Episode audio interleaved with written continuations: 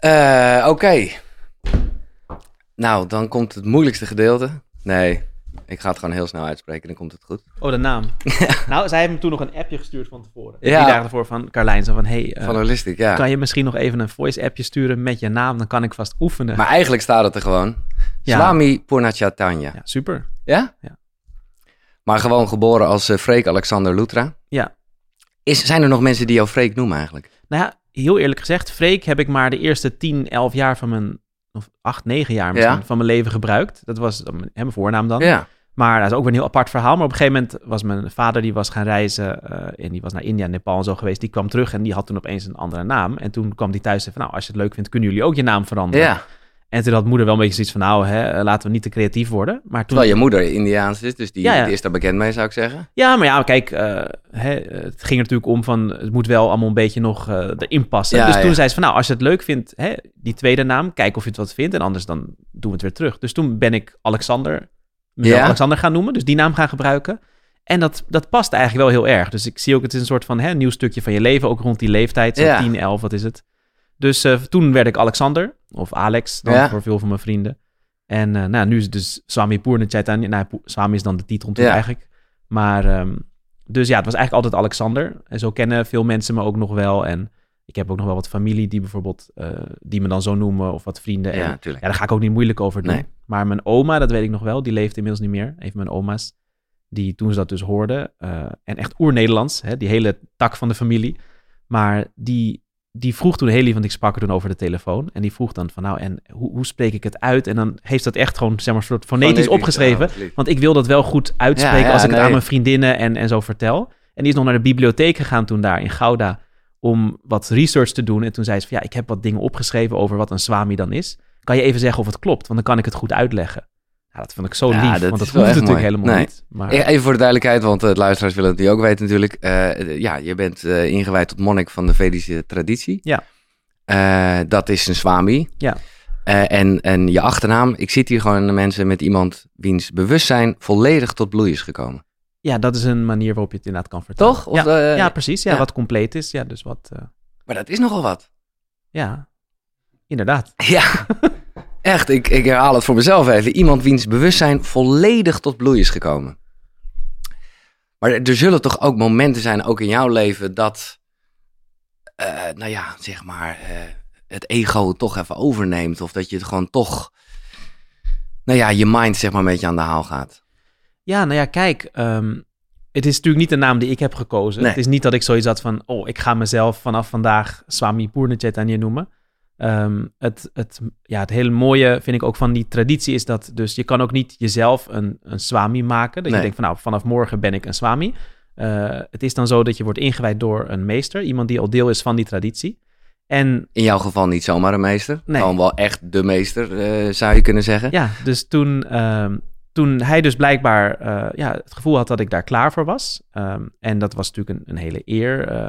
en toen heeft hij me die naam gegeven. En ja, zoals ik het dan ook zie eh, en ervaar, is het een combinatie van, ja, ik denk toch een kwaliteit die, die hij ziet. Mhm. En tegelijkertijd is het ook een soort van intentie of, eh, of een zegen of hoe je het wil noemen. Ja, maar geeft het ook niet een beetje druk dat je gewoon, eh, wat ik zeg, nogmaals, niks menselijk zal jou vreemd zijn. Dus er zullen ook momenten zijn dat je denkt, oh, maar wacht even. Ik weet niet of nou op dit moment mijn bewustzijn even helemaal volledig tot bloei is. En ik heb wel die naam. Nou, nee, eerlijk gezegd niet. Maar Nee. ik denk dat is natuurlijk ook hè, een stukje. Het ligt eraan hoe, hoe erg je daarmee bezig bent. Van, Ja. ook, ook hoe mensen mij beoordelen, hoe ze me zien. Ehm, en ik denk toch, ja, hoe meer je toch op je gemak voelt, eh, gewoon ja, natural kan zijn, jezelf kan zijn. En, en je dus ook heel erg thuis voelt met, met de mensen om je heen. Eh, en hoe meer jij je eigenlijk al zelf heel vervuld voelt, dan eh, ja, ben je op zich al veel minder bezig ook met ja, wat mensen eventueel van mij vinden. Ja. Of ze mij wel leuk vinden of niet. Maar ook dus eh, eh, eh, dat je zelf een soort rust erin hebt. Dat Precies, Dat, ja, ja. ja. Eh, toch nog even over de naam, want ik noem de achternaam Lutra. En wij hebben een, eh, nou ik wil zeggen gemeenschappelijke kennis, maar het is, het is in jouw geval je vader. Die heet Knol, dus is dit je moeders naam? Eh, ja. Ja, nou, ehm, nou mijn, hè, mijn, mijn biologische vader heette dan Van den Rovaart. Wordt Oh, nog ingewikkelder. Ja, oké. En mijn ouders zijn gescheiden toen ik een jaar of 11, 12 was. Ehm, en nou, mijn vader is weer getrouwd toen ook. Mijn moeder nog een tijd. wij wonen met mijn moeder. Ja. Ik heb een broertje. En toen op een gegeven moment heeft zij eh, Robert ontmoet. Ja. En eh, die zijn toen ook getrouwd op een gegeven moment. Maar Lutra is de naam van mijn moeder. En ehm, ja, toen ik 18 werd, toen ergens kwam ik erachter dat je blijkbaar dan ook kan kiezen of je je vaders of je Mm. moeders naam wil. En ik vond eigenlijk mijn moeders naam altijd al heel mooi. Ja. Dus ja, dan denk je niet van, oh, die wil ik. Maar toen er opeens een optie was, Ja. eh, dacht ik van, nou ja, waarom niet? Het is ook handig, het is korter. Hè? Van den Rovaart is heel lang Ja, op, een, op een formulier en zo. Dus, eh, en dat is ook een stukje India's Nee, roots, dat toch? snap ik. Nee, ik snap het Dus dat erg. heb ik, toen heb ik eh, een petitie gedaan aan de koningin. Zo gaat het dan in Ja, Nederland. En toen kreeg ik op een gegeven moment een hele brief van... nou ja, de koningin heeft het, vond het ook een goed idee. En vanaf nu heet jij officieel Alexander Luthera. Ja. En dat even nog, dat, dat is ook wat in je paspoort staat. Want daar staat niet de Swami Nee, Poonachana. nee, nee. nee, nee. Ja, Robert, dat wil ik toch even uitleggen. Want ik vind het heel mooi dat, dat die werelden nu samenkomen. In mijn eigen ja, ontdekkingsreis, waar wij als mensen sowieso mee bezig zijn. eh, nou ja, ging ik op een gegeven moment, nou, laat ik het toch maar even het pad van zelfontwikkeling eh, noemen. En toen leerde ik al snel van, hé, hey, de ademhaling, daar zit, daar zit het hem in. Dat is, en ik merkte ook aan mezelf dat ik dat helemaal niet zo natuurlijk deed. Dat, eh, nou ja, zoals bij veel mensen, je hebt je hele eigen manier van ademhalen gecreëerd. Dus ik ging een beetje op onderzoek uit en ik raad het iedereen aan. want het zit zeker ook bij jou in de buurt. Het is een mooie organisatie, Art of Living. Nou, dat was ook hier in de buurt. En zo heb ik jouw vader leren kennen. eh, met een, ja, voor mij, ja, voor het eerst dat ik daar echt voor koos om een weekend, ja, volledig met ademhaling eh, bezig te zijn. Eh, ik moet het even ook weer goed uitspreken. De Sudarshan Kriya. Ja, Een precies. kriya, gewoon een, een kriya in de volksmond. Nou, misschien komen we dan later nog op terug. Ik heb het, ik heb, ik heb het boekje nog hier liggen. Ja, nou. waar de oefeningen in staan. Lichaams- en ademoefeningen. Ja, zeer, zeer intens. En een, echt een openbaring, moet ik zeggen. Ja, ja. Eh, en dat is ook eigenlijk, eh, nou ja, waar voor een groot gedeelte jouw boek en, en eigenlijk wat jij als eh, ja, ja, kennis aan de wereld wil meegeven, dat heeft, is wel heel erg die art of living. Tuurlijk, ja. Kijk, Ja. zo ben ik ook ooit begonnen. Ja. Ehm, in de zin van, ehm, de eerste, ja, mijn eerste stapje was eigenlijk toch... Hè, ik was eh 16, ik deed verschillende vechtsporten. Ik was wel geïnteresseerd eh, heel erg om meer te leren over nou ja, hoe werkt je geest, hoe, hoe master je je mind. Eh, hè, Ja. Ik bedoel, jij bent ook opgegroeid met films als Star Wars en, Ja, ja, ja. en zo. Dus dat hele idee van, nou, hè, je, je kan dat leren van een meester, dat sprak me heel erg aan. En toen ehm, heb ik, toen ik 16 was in Amsterdam, in de beurs van Berlage, eh, voor het eerst eh Sri Ravi Shankar ontmoet, mijn meester. Precies. En toen heeft dat zoveel indruk op mij gemaakt dat ik echt zoiets had van: oh, ik heb nu iemand gevonden die dit echt helemaal beheerst. En die dat ook kan overdragen. Want Mhm. hij heeft daar toen ook een geleide meditatie Ja. gegeven. En dat was voor mij, ja, voelde dat als drie minuten, dat was 25 minuten zo voorbij. Ja, En ik had zoiets van: oh, want ja, ik heb daarvoor ook wel wat geprobeerd. Een beetje met meditatie gerommeld, zo dat zelf hè, op je kamertje. Ja, mooi. Zoals de meeste mensen. Maar dit was gewoon een heel ander niveau. En ehm, toen ben ik inderdaad een aantal programma's van The Art of Living gaan doen, hè, die hij dus heeft eh, ontwikkeld. En begon inderdaad ook met de ademhaling. En dat was interessant, want ook zoals jij zei, hè, vechtsporten ook, je haalt een paar keer diep adem en zo. Maar dit was gewoon ja, veel, veel meer de diepte in, Ja. veel meer ervaren. Ja, en die Sudarshan Kriya was gewoon een heel ja, unieke ervaring. Het is ook leuk voor de mensen die het eh, gaan doen, dat eh, zijn stem nog steeds gebruikt wordt. Precies, ja. Fascinerend gewoon. Ik krijg er al een glimlach van als ik eraan denk, want hij, ja, Ja. bijzondere stem en ik, ik weet niet, ja. ja, er zit natuurlijk toch een soort van energie achter. Ja. En ehm, ja, en toen ben ik dus eh, wat van die cursussen gaan doen en het sprak me zo erg aan. Het, eh, ik, ik kon er heel veel mee. Eh, en toen had ik zoiets van, ja, ik wil hier gewoon nog meer de diepte mee in. Ik wil dit echt ja, nog meer mee gaan doen en het ook delen met mensen. Dus ik ben toen ook die, die teacher training gaan doen, zelf Ja. die programma's gaan geven. En toen na mijn studie ben ik naar India gegaan, want ik had zoiets, ja, weet je, dit is allemaal zo interessant, maar ik wil nog meer. En toen merkte ik van toch ook hè, bepaalde andere aspecten, zoals de mantra's, die hele Vedische traditie, die kennis, ook hoe je, hoe je bewustzijn werkt. Ehm, dat wil ik nog meer verkennen, me daarin verdiepen. En toen ben ik naar India gegaan, eh, dat aan mijn meester gevraagd ook. Van, nou, ik wil me hier graag meer in gaan verdiepen. Kan Je was dat? 20 toen of zo, hè? Ja, zoiets, 21 denk Ja. ik. En ehm, ook, ik wilde, ik wilde heel graag iets doen waar ik toch mensen meer mee kon helpen. Vanaf jongs af aan had ik heel sterk zoiets van, ik wil, ja, zeg maar, dienstbaar zijn eigenlijk. Dus ik had niet heel erg een doel van, oh, ik wil een Ferrari of ik wil topvoetballer worden. Eh, ik wilde iets doen waar ik echt, ja, mijn leven in een, voor een hoger doel, zeg maar, kon inzetten. Ik wist niet precies hoe of wat. En toen dacht ik, nou, misschien is dit wel een platform, want hè, de Art of Living organisatie doet ook heel veel ontwikkelingsprojecten. Ja. En voor mij was het zo van, nou, ik wil niet alleen maar dan mijn 9-to-5 uh, baantje doen, zodat ik al mijn huur en zo kan betalen. En misschien in het weekend wat tijd over hebben om iets nuttigs te doen voor anderen. Dus ik denk, ik ga het één of twee jaar proberen. En ik ben toen naar India gegaan, uh, hier mijn huur opgezegd, alles, mijn spullen verkocht, weggegeven, nou, wat ik allemaal niet nodig had. En na één of twee jaar in India had ik zoiets van, ja, maar dit is zo vervullend en, Mhm. en zo nuttig en uh, er is ook zoveel te leren en te ervaren. Waarom zou ik teruggaan naar een gewoon baantje en dan dat dit dan laten schieten? En ik had die vrijheid. Uh, mijn Ja. ouders hadden het oké. Ik was daar niet, ik hoefde niet voor ze te zorgen of zo. Nee. Dus um, ik ben er toen mee doorgegaan. En nou ja, na een aantal jaar uh, heeft mijn meester dus ook gezegd van, nou ja, geeft hij me de, op, de, de mogelijkheid, die opportunity, om um, een swami te worden, een, een monnik eigenlijk. Ja. Dus ik heb het hem nooit gevraagd, als ik heel eerlijk ben. Uh, hij heeft het mij ook niet gevraagd daarvoor. Maar het was een soort van heel geleidelijk natuurlijke transitie. Want ik leefde eigenlijk al zo. Ik, ik leefde uit een koffertje daar. Ik had heel weinig nodig. Was ontzettend enthousiast over ook dat hele stuk van die traditie. Ja. Maar het is natuurlijk een hele eer, want... Uh, je bent de eerste uh, niet-Indische... Uh, ja, ja. Indiaanse ja. ja. Ja, precies. En ook om hem dus in, in dat stukje te mogen vertegenwoordigen. Hè? Dus eigenlijk kan je zeggen dat jij vanaf je twintigste... jezelf al ter beschikking aan de wereld hebt gesteld. nou ja, ik zou het niet zeggen, maar het, ergens wel. Ja, in de zin van, ik heb toen op een gegeven moment besloten dat, ja, dit is wat ik met mijn leven wil doen. Mm -hmm. En natuurlijk toen ik die, die nieuwe naam kreeg, hè, want het idee daarachter is ook van, oké, okay, je leeft nu niet meer voor jezelf. Dus je, je wijdt je leven echt aan het dienstbaar zijn, uh, doen wat er nodig is of nuttig is voor de mensen om je heen, voor de wereld.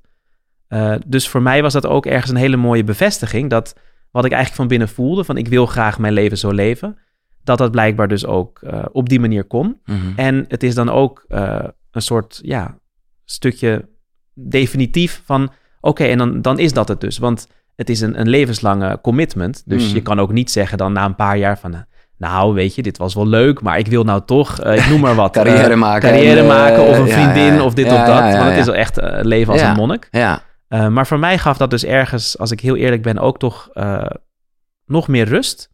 Omdat ik dus wist van oké, dan. Want tot dat moment, je kan nog van alles gebeuren. Weet je, Ja. mijn meester had ook kunnen zeggen: Oké, jongen, uh, mooi geweest. Ga nu terug naar Nederland. Ga daar nuttig zijn. Mhm. Of uh, nou, het is toch beter voor jou als je gaat trouwen, ik noem maar wat. Hè? Want je weet nooit. Kijk, het is niet dat iedereen monnik hoeft te worden. Uh, het ligt helemaal aan jou, jou, hoe jouw groei en hoe jij tot bloei kan komen, Ja. zeg maar. Dus dat is voor ieder natuurlijk weer anders. Maar voor mij was dat dus een hele mooie bevestiging eigenlijk. Van ja, ik ben inderdaad helemaal op het juiste pad. En ik kan me dus nu ook helemaal overgeven aan zo'n leven, omdat ik daar verder niet meer over na hoef te denken. Er is een tijd geweest, en ik denk er nu totaal niet meer zo over hoor, maar ik wil toch even uh, je, je zeggen. Uh, er is een tijd geweest dat ik bij monniken dacht, ja, lekker makkelijk. Weet je wel, uh, je bijna Ja. onttrekken van de wereld. En, uh, nou Ergens ja, in een klooster op een bergje. of- beeld. En, en nogmaals, inmiddels denk ik daar helemaal niet zo over. Maar snap je wel dat, dat, dat er nog steeds mensen zijn die dat gevoel kunnen hebben? Natuurlijk. En heel eerlijk gezegd, eh, tot op zekere hoogte was het ook een beetje het beeld wat ik had. Want Ja. hè, eh, je groeit op met televisie en dergelijke. Dus ik zag dan wel eens een documentaire van Shaolin monniken of zo. Of, hè, eh, en dat hele idee sprak me ergens heel erg aan. Die, hè, die discipline, die Mhm. commitment, dat streven naar ja, toch een soort van perfectie of de wereld overstijgen, ontstijgen. Ehm, maar tegelijkertijd, zoals ik al zei, dat stukje dienstbaarheid was voor mij Ja. ook heel belangrijk. Ja. En voor mij was het dus eigenlijk heel mooi om eh, te zien, en dat zie ik bijvoorbeeld ook bij mijn meester. Kijk, als ik heel eerlijk ben, ik heb ook met hem gereisd, eh, dus echt persoonlijk met hem tijd doorgebracht. En ja, hij is de meest onthechte persoon die ik heb ontmoet. Hij Ja. hoeft echt helemaal niks. Nee. En hij is gewoon alleen maar bezig met mensen helpen op allerlei manieren. Maar dat kan hij dus doen juist omdat hij dus zo tevreden is en helemaal in het nu en, en in Ja. zichzelf. En ehm, het is dus een hele mooie combinatie van aan de ene kant dat stukje spiritualiteit, maar ook hoe dat is, zich dan vertaalt van ja, als jij inderdaad zo verbonden voelt met iedereen en echt zelf niks nodig hebt, waarom zou je jezelf dan afzonderen terwijl er zoveel mensen Mhm. zijn die, die je toch kan helpen? Ja, nou, ik vind het mooi dat je dit even in één zin benoemt. Want het kan een soort paradox hebben dat onthechting eh, het gevoel geeft alsof je met niemand wat te maken hebt. Terwijl het Ja. is juist eigenlijk eerder andersom. Precies. En dat is heel vaak een, een misconceptie. Dat Ja. mensen denken van, oh, eh, onthechtheid is een soort hele inerte staat. Ja. Eh, dat je zelfs jezelf niet schoon hoeft te houden. je kan helemaal ongewassen, eh, niks doen, alleen maar een beetje daar zitten misschien. Ja, En je wil niks met anderen te maken hebben. Of de wereld is een heel slechte, foute, nare plek. En je wil er liefst niks mee te maken hebben.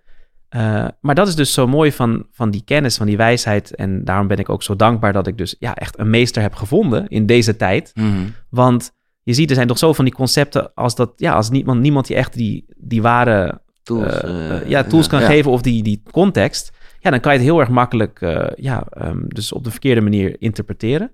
En dat zie je bijvoorbeeld ook, ik heb net een meditatieretret, stilte gegeven de laatste paar dagen. En daar vroeg ook een van de, de deelnemers, die vroeg hoe dat dan zat. Van ja, als je zo, ik voel me hier zo goed, ik ben zo in contact met mezelf, eh, zo tevreden eigenlijk, maar eh, maakt het er dan niet lastig om bijvoorbeeld ook een echte, intieme, oprechte relatie met iemand te hebben? En het mooie is, dat heb ik toen ook uitgelegd, dat het dus juist andersom is. Want als Ja. jij zo vervuld bent, dat je zo vol liefde bent, tevreden bent, je helemaal goed voelt met jezelf en heel weinig nodig hebt, dan is het dus niet dat je die ander niet nodig hebt. Dan kan je pas echt zeggen van ja, ik ben er onvoorwaardelijk voor jou. Of ik kan jou geven wat, wat jij nodig hebt. Of, want ik hoef zelfs niks. Ik, ik zit niet in die relatie omdat ik wil dat jij voor me kookt. Of af en toe tegen me zegt dat ik lief ben. Of naast me op de bank zit. Eh, er is niks mis mee. Maar het is niet een behoefte. Dus het is niet ja, ergens toch dat, dat persoonlijke wat je eruit wil halen.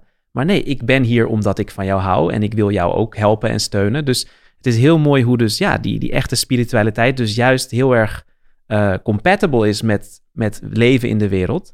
En dus eigenlijk ja, een, een beter, mooier mens van je Ja. maakt. Nee, het is een zin die ik vaker uitspreek, maar die moest vooral bij mezelf heel erg landen. Om het vooral niet hè, te egoïstisch te vinden. Verbinding met jezelf is uiteindelijk verbinding Precies. met de wereld. Ja, Eh, en dat is ook, eh, nou ja, hè, je boek heet Vind je innerlijke kracht. Dus dat gaat hier eigenlijk ook heel erg over.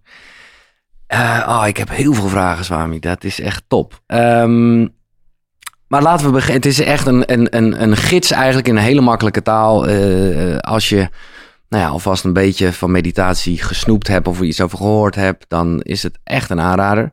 De, de subtitel is ook hoe meditatie je kan helpen in deze veranderende wereld. En eigenlijk zou ik het wat groter willen maken over waar we het net over hadden. Dat je dus ook de wereld ermee helpt.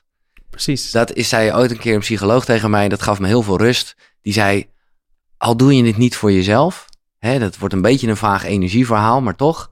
Dan is het alsnog goed om het voor de wereld te doen. En dat voelt een beetje gek. Want ja, je zit toch echt in je eentje. eh, nou ja, Ja. gezegd niks te doen. Maar Maar het is natuurlijk wel zo. En Mm. net als dat als iemand ja, heel erg gestrest is, die stress is niet alleen van jou. Als jij naar kantoor gaat, ja, worden jouw collega's daar ook door beïnvloed. En als jij op straat zo rijdt of je zo gedraagt, heeft dat gewoon een impact. en andersom dus ook. Wil Precies. je zeggen als jij rust uitstraalt. Precies. Ja.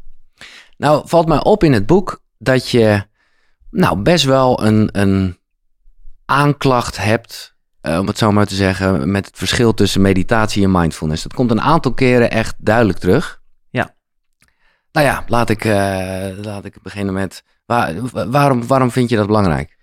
Ehm, nou ja, aanklacht is natuurlijk een, een groot geladen woord. Het is meer dat ik inderdaad eh, meerdere keren in het boek ook heel duidelijk heb eh, ja, eh, neergezet van er is een verschil. Mhm. Ehm, en dat is voornamelijk ook omdat ik toch zie dat hè, tegenwoordig is meditatie en mindfulness steeds populairder. Net als yoga. Bijna iedereen heeft er eigenlijk wel van gehoord. Eh, heel veel mensen hebben ook het idee dat ze er aardig wat van weten. Of je het nou hebt gedaan of niet. Je hebt een goed idee van nou, dat is zo en zo. Ehm, maar technisch gezien eh, is er een heel groot verschil tussen die twee ja, soorten technieken. En ze hebben allebei heel veel voordelen. Maar het is jammer dat tegenwoordig toch heel vaak eh, ja, die woorden heel makkelijk worden gebruikt. Zo van, nou, meditatie klinkt misschien nog een beetje te zweverig Dus soms. Of, of te, mindfulness, ja, ja. te religieus geladen of wat dan ook. Mhm. Dus dan noemen we het mindfulness. En Ja. ik zie dat ook soms ook met bedrijven. Als ik, eh, word ik gevraagd om een, om een seminar te doen of een, of een masterclass of wat dan ook. Of een programma voor hun werknemers. Want ja, mensen zien toch in dat dit steeds belangrijker is. Dat stukje mentale gezondheid. Hoe ga je met stress om? Een stukje verbondenheid. Maar dan zeggen ze, nou ja, hè, dit ziet er mooi uit. Je geeft ze een conceptnote en dan... Maar vind je het goed als we het in plaats van meditatie mindfulness noemen? Want dat is wat seculierer. Of dat, Ja. hè, dat, eh, Maar het probleem is dat, eh, zeker als mensen zich wat meer willen verdiepen... eh, in mindfulness, om het even een beetje proberen op te sommen... ben je heel mindful, je bent heel bewust. Ja. Je bent bewust iets aan het doen. Of dat je bewust bent van je adem. Of je kopje thee zetten. Of, lopen, of wat het ook mag zijn. En dat is zeker een hele verbetering, want normaal zijn we aan het multitasken. Onze geest is all over the place. Dus uh, ja, dat is niet geweldig gezond. Je bent ook niet heel effectief. Maar echte meditatie is nog een stapje verder gaan, waar je dus niet bewust iets met je geest aan het doen bent, want dan ben je toch nog iets aan het doen. Je geest is erbij betrokken. Maar dat je leert om zodanig even helemaal los te laten, dat je geest zo diep kan ontspannen, dat je dus voorbij je geest gaat en dat hij zich naar binnen richt, naar de bron waar hè, ons bewustzijn, waar die vandaan komt. En dan zie je dat het dus een heel ander soort ervaring is, waar je ook dus hele specifieke voordelen van uithaalt. Um, nou, bijvoorbeeld dat je dus inderdaad heel veel onnodige impressies los gaat laten. Je bent veel helderder, je laat echt op. Omdat dat het enige moment is dat je geest niet iets aan het doen is. Nou, los van dus slapen. Ja, nou ja, kijk, als je slaapt heb je vaak ook nog uh, dromen, gedachten. dus het is natuurlijk, het is een staat van rust. Maar daardoor zien we tegenwoordig ook vaak dat zelfs als mensen 7, 8 uur slapen, wat genoeg is... Mhm. Eh, we zijn ook niet hardcore uh, hecht, rotsen aan het breken en zo. Dus fysiek is dat meer dan genoeg. Maar mentaal hebben we zoveel impressies te verduren. En dat is ook door onze samenleving nu. Het wordt steeds sneller, uh, de social media, alles. Dus het zijn veel meer impressies dan vroeger als je gewoon op het platteland woonde, om maar wat te zeggen. Of zelfs in de stad. Dus dan worden mensen wakker en dan voel je niet echt fris. Want je hoofd is nog steeds een beetje eh, ja, wazig. Er is allerlei gedachten. Misschien dat je wakker wordt met hetzelfde gepeins waar je mee naar bed ging. En dan zie je dus dat tegenwoordig eigenlijk steeds vaker, als je echt heel fris en helder wil zijn. En dus ook wat meer inzicht wil van, nou, hè, wat wil ik nou echt in mijn leven of waar wil ik heen? Ja, dan moet je toch een bepaalde rust in je hoofd hebben. En daarvoor is slaap tegenwoordig vaak gewoon niet meer genoeg. En daarom heb ik ook ergens aangegeven in het boek dat, dat die echte meditatie, 20 minuten van die meditatie geeft jouw geest al zoveel rust als het normaal in 4 tot 6 uur slaap krijgt. Ja. Dus het is gewoon een, een nog diepere staat van rust. Nou ja, het kan ook vaak samengaan. Ik bedoel, ik herinner uh, mijn eerste sessie bij de Art of Living. Dat ik toch dacht, shit, ja, eh, ben ik nu in slaap gevallen? Ja, ik snap wel dat het gebeurde achteraf gezien. Want het was voor het eerst dat er een soort rust ontstond. Dus eigenlijk was het ook een soort van compliment, maar... Nee, precies. Heel veel mensen hebben dat. En dat zie ik ook met, met hè, dus inderdaad, met die Sudarshan Kriya. En met, met, ook die meditatie-cursus die ik geef. Dat als je dan daarna vraagt aan mensen van, nou, hè, wat is je ervaring of hoe was het? dat veel mensen die echt een beetje diep weg waren, dat ik dacht van nou, hè, top, die zijn er al echt lekker ingestapt. Die zeggen van ja, eh, ik ben dus door een beetje in slaap gevallen. En dat is dus geen slaap, maar het is omdat we tot nu toe eigenlijk alleen maar echt diepe rust hebben ervaard wanneer we sliepen. En dat associëren we dus met slaap. Exact, ja, en omdat je dus even echt zelfs niet bewust bent van waar je bent of wat je aan het doen bent, denk je, oh, ik was in slaap gevallen. Maar dat is geen slaap. Terwijl je alles eigenlijk nog zou kunnen herinneren wat je hoorde. Want als je zegt, doe je ogen open, dan doen ze dat wel. nou, als je echt slaapt, doe je dat niet. Nee. Maar toch nog even over, en ik snap het, ik vind het heel goed dat je het verschil uitlegt, maar het is toch juist in deze tijd prima, vind ik, dat het uh, een beetje lekker verkocht wordt, om het maar even zo te zeggen, om er meer mensen mee in aanraking te krijgen. Dus ja, noem het maar mindfulness als mensen dan eerder die stap zetten. Ja, dat lijkt mij prima. Tuurlijk. En daarom heb ik ook in het boek gezegd, hè, er zijn heel veel voordelen. Ik ben alleen wel uh, ja, toch vaak mensen ook tegengekomen die dan oprecht uh, ja, iets met mindfulness of meditatie mm wilden gaan doen. Um, en dan soms ook juist echt dat stukje meditatie, dat ze echt gewoon even helemaal willen ontspannen, hun geest helemaal leeg willen maken. Of, en dan zeggen ze, ja, ik heb het geprobeerd, maar dat werkte niet. En dan bleek dat ze een of andere mindfulness oefening ergens hadden gedaan. En kijk, daar heb je ook weer verschil in. Sommige mensen kunnen heel goed zijn. Je kan een hele goede leraar hebben. Of je hebt toevallig een appje gedownload of een, of een YouTube-video gezien ergens. En je denkt, nou, ik ga daar zelf mee aan de slag. Maar als je dan bijvoorbeeld ja, een mindfulness oefening hebt gedaan en dat lukte niet. Uh, omdat het soms ja, heel moeilijk en confronterend kan zijn als jij bijvoorbeeld niet goed voelt. En dan ga je helemaal jezelf zitten observeren. Of ja, jij, jij schrijft zelfs dat het eigenlijk alleen maar... Het kan ook eh, gewoon bijna stress opleveren, mindfulness. En, ja, ja, want soms worden mensen dan te enthousiast... en dan wil je overal de hele tijd van bewust zijn. Ja. wordt ook een soort van stress. En als je dan zegt van nou, hè, ik heb meditatie geprobeerd, het werkte niet. En je hebt eigenlijk alleen maar van mindfulness geproefd. Ja, nee, dan loop je dus iets mis. En uh, daarom dacht ik van, het is ook juist in deze tijd. Hè, mensen hebben het ook heel moeilijk gehad de afgelopen twee jaar. Mm. Een van de redenen waarom ik dat boek ook schreef. want het is uh, toch er een manier om mensen te helpen. Ja. Of ze waren wel wat met meditatie bezig, maar ja, toch wat dieper gaan was lastig. Ik denk, nou, dan kan ik hier dus, heb ik een ja, mogelijkheid om met mensen mijn ervaringen te delen van de laatste twintig jaar. En ook dus dat stukje inzicht van, hey, Uh, er is nog een stapje is verder. meer, ja, ja, dus uh, stop niet voordat je dat ook hebt bereikt. Nee, maar je schrijft op een gegeven moment... we leven in een tijd waarin meditatie zo modern en lucratief is geworden... dat er niet enkele, maar zelfs vele apps zijn voor je telefoon, iPad, andere apparaten. Een groot deel daarvan biedt je premium abonnementen... waardoor je toegang krijgt tot nog meer superkorte meditaties. Je hebt opties die geschikt zijn voor alle soorten hectische leefstijlen. En sommige apps bieden zelfs meditaties... die maar één of twee minuten duren. Kort genoeg om zelfs in de meest hectische schema's te passen. Met de belofte dat ze je meer gemoedsrust of ruimte in je hoofd geven. Uh, en dan ben ik toch benieuwd, uh, want jij hebt net... mag. Ja, dat mag. nou ja, jij hebt net een gesprek opgenomen met Michael Pilacic. Ja. En dan ben ik toch benieuwd hoe je daarnaar kijkt. Want, nou ja, hij heeft zo'n app. Het is, het is eigenlijk precies wat je hier benoemt. Ja, nou kijk, daarom zeg ik ook van, hè, niet alle apps zijn hetzelfde. Nee. bijvoorbeeld van Art of Living hebben we ook een app Mhm. met veel geleide meditaties van Sri Ravi Shankar. Um, maar hè, dat is natuurlijk het, het, het lastige nu. Uh, het is een soort oerwoud en ja, lang niet iedereen is uh, voldoende geïnformeerd om iets goeds te kiezen. Nee. En daarom heb ik ook in het boek heel duidelijk gezegd, ik zeg niet dat er maar één manier van mediteren is, want dat is niet zo. Um, maar er zijn wel bepaalde principes. En als je dat weet, als je dat begrijpt, helpt dat je wel om toch, ja, ik zou zeggen, een geïnformeerde keuze te maken. Of ook uh, een beetje misschien een bevestiging van, nou, waar ik mee bezig ben, dat helpt me.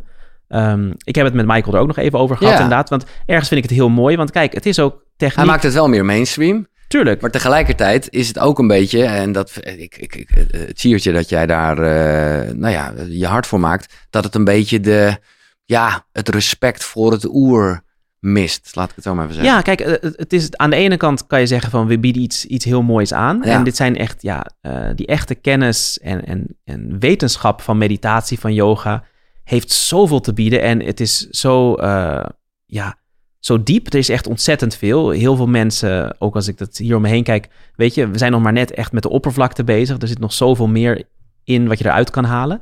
Um, maar dan inderdaad soms ook in dat hele idee van, nou, hoe package het, hoe maak je het? En bijvoorbeeld Amerikanen zijn daar ontzettend goed in. Ja, ik lag ja. laatst weer, stuurde iemand mij een artikel en hadden ze iets uitgevonden, een bepaald soort ademhaling met alle voordelen erbij. En dit is helemaal geweldig. En het was dus iets uit die oude geschriften, maar dan hebben ze het gewoon een andere naam gegeven. Ja. En dan doen ze er een, een, een patent op, zo van, nou, Ja, hè, dan dat kan niemand ook meer. En dan denk je van, ja, dan heb je dus iets uh, gerecycled eigenlijk. En aan de ene kant is het heel mooi, mensen zullen de voordelen krijgen, maar, en zeker met meditatie, zie je dat hè, dat hele stuk traditie wat erachter zit, uh, los. Het is niet zo dat ik dat zeg van, nou, hè, die meesters van die oude traditie, die willen ook uh, genoemd worden Shine, of die willen ook een credit. Nee, daar gaat het niet maar, en dat is zeker natuurlijk als je toch heel erg zeg maar, zelf aan de slag gaat, dan is er een kans dat je dat stukje misloopt waar je je verbonden voelt met een, een traditie of je hebt Ja. een, een, een leraar of een meester of en dat stukje uh, respect of dankbaarheid, hè, wat ik ook bijvoorbeeld in de, de martial arts en de vechtsporten ook Ja. altijd heel erg waardeerde,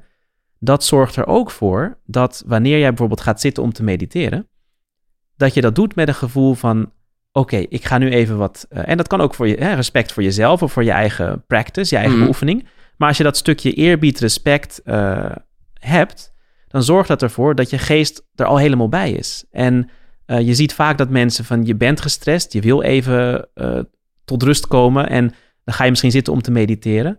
En dan ben je eigenlijk al 15, 20 minuten bezig om die geest een beetje tot rust te brengen, voordat Mhm. je ook echt wat dieper kan gaan. Terwijl als jij echt een gevoel hebt van, oh, ik ga even zitten en, en hè, dit is iets, iets heel bijzonders wat ik heb ontvangen of geleerd of wat ik doe voor mezelf of voor de, voor de wereld of wat dan ook. Dat gevoel van eerbied zorgt ervoor dat je geest dan al helemaal in het nu is, Ja. dat je er helemaal bij bent. En dan kan je dus ook veel dieper uh, Ja. erin gaan. Dat is weer die, die, die wat grotere verbondenheid met... Ja. eh, En, uh, en ik denk ook, hè, laten we wel wezen, um, het is een, een, een hele oude traditie die ontzettend veel te bieden heeft. En om het helemaal te ontdoen daarvan, ja, dan, dan geef je ook niet credit waar dat, Nee. waar dat hoort. En uh, dan heb je ook soms dat inderdaad, als mensen zeggen, nou, ik wil wat dieper gaan, maar ja, waar ga je dan heen? Want dat, dat, is helemaal niet, dat, dat is helemaal niet uit te vinden. Maar wat zei je, Michael, daar dan van? Want hij zal zich op zijn minst aangesproken voelen in, in eh, wat jij erover schrijft. Want hij is misschien wel het voorbeeld van, eh, ja, eh, in alle opzichten het heel commercieel aanpakken. Niet zozeer dat je ervoor moet betalen, maar ook zeker. Maar vooral de verpakking, de... de, de Ja, Eh, ja. nou ja, kijk, uh, hij uh, waardeerde het boek heel erg, Mhm. omdat hij ook zegt van, hè, hij, zijn meditaties zijn ook bijvoorbeeld een half uur of, of 40 Ja. minuten. Ja. Eh, dus hij is ook niet van die twee, Maar hij heeft twee ook, die, minuten. die heeft hij wel, die, die zijn er ook, absoluut. Ja, die zitten maar- erin. Dus dat, dat heeft, heeft hij verder niks over gezegd Nee, zelf. Maar hij, hij vond het dus, hij waardeerde dat idee heel erg. Van, eh, hè, dat mensen dat ook te laten weten. En kijk, eh, weet je, hij is ook heel open erover. Dat hij heeft in het begin ook heel veel geleerd van Art of Living. Ja. En dat is echt, en dat, dat zegt hij ook nog steeds, weet je. Daar geeft hij ook echt die, die, die credit van, nou, daar heb ik ontzettend veel van geleerd. En ik heb dat een beetje dan op mijn manier, hè, ook weer eh, bepaalde dingen daarvan ook eh, maak ik beschikbaar. Dus, ehm, en ik denk van, kijk, eh, soms zal je toch iets eh, zeggen wat misschien niet iedereen eh, geweldig vindt. Maar daarom had ik ook zoiets, ja, ik vind het toch wel belangrijk om het te benoemen. Het is niet dat ik een hele campagne ga doen van, hey, eh, ban all die apps. Nee, nee. Maar er zijn toch heel veel mensen die oprecht eh, ja, op iets naar, naar iets op zoek zijn. Of Ja. wat meer verdieping willen. Zoals je al zegt, misschien mediteren ze al een tijdje, maar ze willen graag nog wat meer daarover leren. En dan is het toch, denk ik, mooi om te weten dat ja, je kan inderdaad nog van alles ermee doen. Ja. En eh, ja, ik hoop dat dit boek dus ook een beetje een, in die zin een soort van ja, gids kan zijn voor Ja. mensen om, om nog wat, ja, wat meer daarmee aan de slag te gaan. En waarin ik ook ja, toch wat van mijn inzichten en ervaringen ehm, heb kunnen leren die ik de laatste twintig jaar heb opgedaan. Nou ja, het doet me, ik heb ook een eh, week, eh, dat is nog, eh, nou ja, dat is nu een jaar, of ja, iets meer een jaar geleden, heb ik Vipassana gedaan. Hè, dus een ja. stilte. En daar voelde ik ook heel erg dat, nou ja, dat, dat, dat mindfulness maar echt één aspect is uit de traditie wat eruit gehaald is, waar nu een beetje het belang in is. En, en nou ja, de onthechting en de gemoedelijkheid. Ja, Maar ik vond dat ook. Ja, dat is waarom ik een beetje mee begon met, met, met eh, jouw eh, naam. Iemand wiens bewustzijn volledig tot bloei is gekomen. Ik merkte dat ik daar even bijna een soort error in mijn hoofd kreeg. Omdat ik wel dacht van ja, ik vind gewoon bepaalde dingen wel echt leuk. Eh, en dat is aan zich al een soort Ja. van hechting, weet je wel dan. Oeh, eh, ja. Nou ja, kijk, ehm, hè, zoals ik het eh, dan zelf ervaar bijvoorbeeld. Ehm, zoals ik al zei, het is niet een, een wegrennen van de wereld. Nee. Dus eh, ik was bijvoorbeeld laatst ehm, hè, was ik in Duitsland voor een programma. En eh, nou, de, de plek die voor mij geregeld was om te verblijven was een prachtige plek. Echt vijf sterren stijl. En daar kan ik ontzettend van genieten. Hè? En dan denk ik, oh, je hebt een heerlijk bed of een heel prachtig ontbijt. Of nou, ik noem maar wat, een Mhm. prachtige omgeving om rond te, rond te lopen. Of het is allemaal eh, nou ja, super deluxe. En tegelijkertijd heb ik echt eh, maandenlang ook echt in de jungles en Ja, dat soort eh, gebieden, dus in, in India, die, die grens met Tibet, China, in Bhutan, Nepal gewerkt. En dan heb, je, heb ik echt soms dat je in een, in een bamboehut slaapt, om een vuurtje heen met die andere, de, de- die- het hoofd van die stam of iets dergelijks. En ja, ik eet dan alleen vegetarisch. Dus Ja. het meeste wat ze daar eten is toch wat je in de jungle kan vinden. En dat is, kan heel exotisch zijn voor ons. eh, Van, van insecten tot slangen, apen en van alles. Dus wat had ik dan? Nou, dan maakten ze heel lief voor mij. Dus heb je die gekookte rijst en, ehm, en wat gekookte bladeren. Een soort, soort, dat zijn een soort van groente eigenlijk. Een soort, eh, en dan had ik gewoon een week lang, drie keer per dag zat ik dat te eten. En voor mij was dat ook een hele leuke openbaring op een gegeven moment. Dat ik inderdaad de zesde dag, weet ik nog, dat ik achter elkaar datzelfde at. Echt drie keer per dag. Dat ik opeens zoiets had van, oh wauw. Zelfs hiermee voel ik me dus nog steeds gewoon heel goed en gelukkig. En ik denk, dat is het mooie. Het is dus niet dat je... Geniet ook van dat vijf sterren ding, maar ja, ook weer hechten. ja, dus zoals je zegt, hè, je vindt bepaalde dingen Ja. leuk. Nou, dat hoeft helemaal geen eh, obstakel te zijn. Het wordt een obstakel als je er niet zonder kan. Ja. En ik denk dat is natuurlijk die, dat hele stukje onthechting. Want Ja. dan ben je er niet aan gehecht. Dus als het er is, is het prachtig. Maar als het er niet is, brengt het je niet uit je centrum. Ik vond het heel mooi dat je op een gegeven moment schreef: eh, zoek niet naar steun in dingen die steeds weer veranderen. En dat is, vind ik, een hele goeie. Ja. Want dat is. En dat, is wijsheid. Ja, En ik denk dat toch veel mensen dat natuurlijk hebben ervaren met die lockdown. Want heel veel dingen waar je eigenlijk ervan uitging van nou, hè, dat, dat is zo, je leunt er ergens op, was opeens niet meer zeker. Ja, Nee. misschien verlies je je baan wel. Ja. Of misschien dus was, Krijg het, je dat wa- was virus? het een zegen eigenlijk?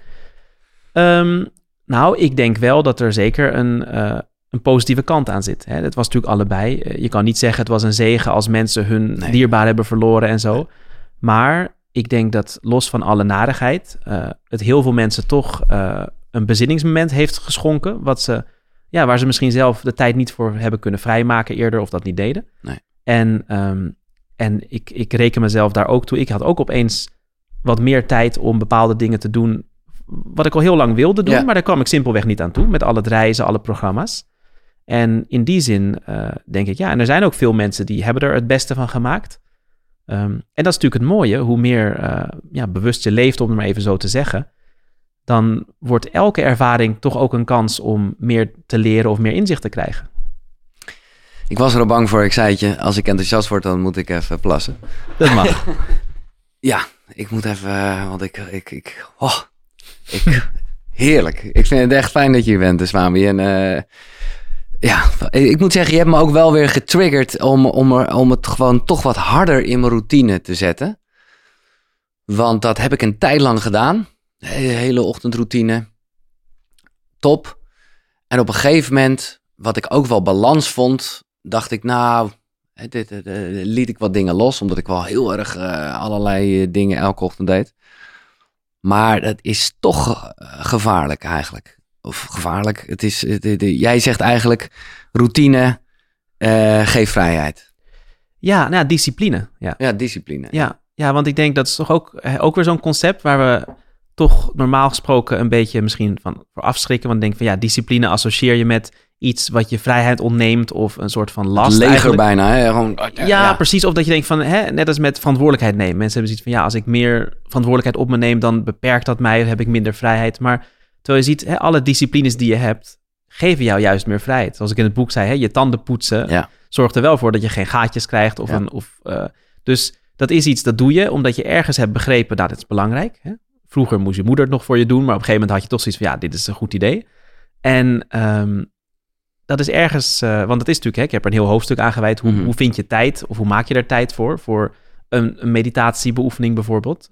Heel veel mensen weten, ja, het is goed voor me. Hè, of misschien wil je hardlopen of sporten of wat dan ook. Je weet dat je het eigenlijk moet doen.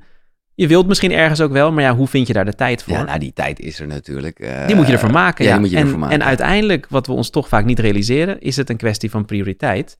En dat hangt er dus helemaal van af hoe danig heb jij je echt gerealiseerd dat dit belangrijk is? Want laten we wel wezen, als ik zeg Giel, als jij gewoon elke dag nu, noem maar wat, een uur of twee uur s ochtends al, al je, je oefeningen gaat doen, dan krijg jij van mij, uh, nou laten we een leuk bedrag noemen, 10 miljoen euro.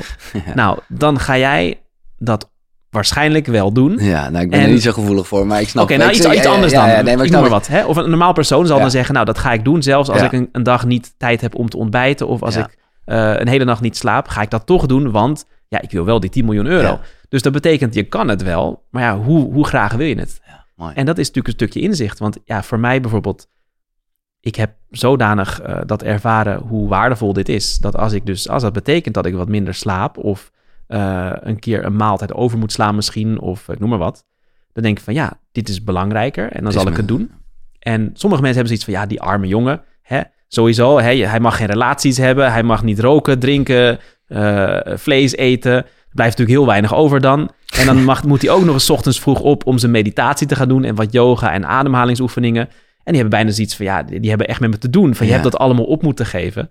Terwijl voor mij heb ik zoiets van, ja, hè, die, die arme mensen die, die dat niet elke ochtend doen, die zijn de, tijdens de hele dag meer gestrest of voelen zich wat ongemakkelijker soms. Of uh, die hebben gewoon, ja, misschien toch niet diezelfde kwaliteit van leven. En ik gun het ze van harte. Maar ja, dan moet iemand natuurlijk toch ook zelf inzien van ja, dit is belangrijk uh, voor mijn geluk. Nou, hoe ziet jouw ochtendritueel eruit? Uh, je wordt wakker, word je wakker met een wekker? Um, dat ligt eraan. Uh, vaak heb ik toch ook ja, van alles te doen, ook programma's en dingen. Dus om ervoor te zorgen dat ik genoeg tijd heb, zet ik wel een wekkertje. Ja. Um, is het zo dat jij, want je noemde het al even over slapen en, en hoeveel uur slaap jij? Um, dat hangt er ook een beetje van af. Uh, soms is, uh, ja, is, is zes uur gewoon genoeg, vijf, zes uur, maar soms ook wat meer. Het hangt er net af van uh, hoeveel, hoeveel ik ook reis en ja. van alles doet. Want het is natuurlijk, ja, hè, soms heb je ook nog verschillende tijdzones. je bent de hele tijd bezig. Um, dus ik ben er niet heel, heel streng in, in de zin van, oh, ik geef mezelf maar vijf of zes uur slaap. Als ik gevoel heb dat ik wat meer nodig heb, nou, dan ga ik wat eerder naar bed. Um, en, uh, maar ja, als ik dan ochtends wakker word, dan uh, eerst uh, heel eventjes mediteer ik een beetje, zeg maar gewoon mezelf helemaal centeren. En dan, nou, dan ga, je, ga ik douchen of een bad nemen. Ja, maar sorry, je gaat te snel. Okay. Want, want daar zal, als jij zegt ik mediteer een beetje, wat, wat, wat doe je? Nou, niet een volledige meditatie, nee. maar dan ga ik dus even rechtop zitten. En ja, even dat stukje transitie van hè, die staat van slapen, weer van oké, hè, ik, ik ben er weer, zeg maar. En ehm, ja, dat soort ja, bewustwording inderdaad van het grotere plaatje. En dat klinkt En heel, fijn, Nee, heel, nee, nee, heel maar- wazig, Ja. maar... ehm, dus het is niet een... Ik, ik ga er niet uitgebreid 15, 20, 30 minuten zitten. Maar ja, het is weer eventjes echt... Ja, zoals ik het dan zou zeggen, helemaal in mijn centrum komen. Ogen Bewust. open of ogen dicht? Ogen dicht. Ja. En eh, ja, en het moment dat ik dat voel, dan, eh, nou, dan ga je aan de slag. En dan eh, nou, eerst een eh, douche of zo even eh, dat allemaal doen, tanden poetsen. Koud douchen? Eh, het ligt eraan. Eh, ja, als het, als het soms als het, heel koud is, dan sowieso koud. Ja. Maar soms ook wat warm erbij. Tuurlijk, ja, ja, nee, oké. Dus eh, dat ligt eraan. Soms is het alleen maar koud. Soms is het eerst heerlijk warm en dan koud. ja, dat ik vind het wel fijn om met koud te eindigen. Dat is sowieso, maakt je veel wakkerder, brengt ook je energie omhoog. ook heel gezond. Ja. Dus, en dan daarna ehm, doe ik wat, wat yoga. Eh, niet heel uitgebreid, misschien 15, 20 minuten of zo. Eh, tenzij ik echt er de tijd voor wil nemen, dat is soms zo. Maar anders een beetje asana's eh, en dan eh, de ademhalingstechnieken. En, eh, En welke ademhalingstechniek hebben we eh, nou, die ik eh, bij Art of Living ook heb Ja. geleerd en ook zelf eh, aan anderen leer. Dus Ja. dat zijn dus eh, nou, die serie ademhalingstechnieken inclusief de Sudarshan Kriya. En dan daarna mediteer ik. Eh, dat is soms eh 20, 25, soms 30 minuten. Eh, dat ja, heb ik niet altijd in de hand. In de zin van Nee. soms ben je echt ja, wat weg en dan daarna zie ik opeens van oh, het was toch iets langer dan Ja, je- normaal je, misschien. zet ook geen eh, wekkertje nee, daarin. nee, nee. Nee, oké. Nee, dus dat laat ik wel echt eh, los. En, en dan heb ik daarnaast nog ook een, een stukje mantra's. Een aantal mantra's die ik heb geleerd, waar ik in ben geïnitieerd. ehm, die ik dus dagelijks dan ja, reciteer. Dat is voornamelijk eh, mentaal. Dus een aantal zeg ik wel hardop. Sommige mag ik niet hardop zeggen, want dat, dat, is, dat is het hele idee erachter. Dat hou je geheim en het is dan ergens nog eh, effectiever. Ja. Eh, dus dat breng je niet in het veld van expressie, om het maar zo te zeggen. Ehm, en dat doe ik ook al een tijd en dat geeft me ook heel veel. Dat is ook een, ja, toch een, een bepaald soort ja, kwaliteit van, van je bewustzijn. Het geeft veel energie. Ehm, dus dat doe ik dan. En dan eh, daarna eh, nou, eh, ontbijten en, en aan de slag. Wel ontbijten, want ik dacht misschien ben je ook een beetje van de fasting voor... de Ehm, nou, het is, ik, ik heb vaak dat ik mijn, mijn avondeten licht hou. Oh ja. Want ehm, ik heb wel gemerkt, op een gegeven moment, hè, eerst waren we nog jong. Nou, ik ben nog steeds niet heel erg Nee, oud, maar je bent 37, laat ik man. zeggen, vroeger kon ik echt alles eten. Dat kan je ook nog aan Robert vragen. Ja. Dat ging echt met, met truckloads naar binnen en dan, dan zag je dat nog niet. En toen op een gegeven moment, eh, ik reisde dus in India, nou, in, toen in India, eh, nu zit ik eh, echt, ja, ook in allerlei andere landen, maar toen ik nog voornamelijk in India zat, weet je, die hele cultuur van, van hoe je een, gast verwelkomt en is zoveel respect en liefde en dus dan was het vaak zo als ik ergens was, dan kregen een paar mensen de kans om mij uit te nodigen voor een maaltijd. Nou, dat was al een hele eer voor hen. Dus dan werd echt alles uit de kast getrokken. Nou, dan zit je daar en dan moet je in ieder geval alles wel even proeven, want ze Ja. hebben het speciaal voor jou gemaakt. eh. En als je dat dan drie keer per dag doet, toen op een gegeven moment merkte ik wel dat ja, mijn buik werd ook wat groter, alles werd wat groter. Ja, en dan moet je wel een yoga teacher training gaan geven of iets anders. Ja, dat, dat werkt natuurlijk niet echt. Dus Nee. op een gegeven moment merkte ik van oké, ik ben blijkbaar nu dat punt gepasseerd waar ik gewoon alles net zoveel kan eten als ik wil en dat blijft niet plakken. En toen ehm, merkte ik ook dat vaak werd het toch laat, 's avonds. Als ik heel eerlijk ben, je doet een programma, willen mensen willen je nog ontmoeten, iets vragen, eh, iets van begeleiding. En dan tegen de tijd dat ik eindelijk dan ja, bij iemand thuis kwam om mijn avondeten te eten, dat was dan soms negen uur, Ja, half tien, tien uur. Ja, als je dan een hele maaltijd met rijst en alles gaat eten, dan kan ik en niet snel slapen, want Nee. het zit helemaal vol. Ja. En zelfs als je in slaap valt, ja, wat er dan verteerd wordt, dat, dat komt er weer bij als vet. Ja. En 's ochtends is het ook wat moeilijker op te staan vroeg. Eh, het is ook niet zo lekker voor je yoga en zo als het nog helemaal vol zit. Dus mijn oplossing was toen, nou dan eet ik s'avonds dus alleen wat soep. En eh, dat vinden sommige mensen wel saai, maar ja, wat doe je eraan? Dat heb ik dan gevraagd. Dus dat doen ze dan wel heel lief. Dus gewoon een groentesoepje of zo. Dus dat is heel licht. Dus zelfs als het laat is, verteert dat zo. Eh, je slaapt ook lekker, kan makkelijk vroeg opstaan, eh, voelt je een stuk lichter. En zorgt ervoor dat ik niet elke keer nog tussendoor heel veel moet trainen om het wel allemaal in balans te houden. Want ja, daar heb ik vaak toch geen tijd voor. Dus Nee.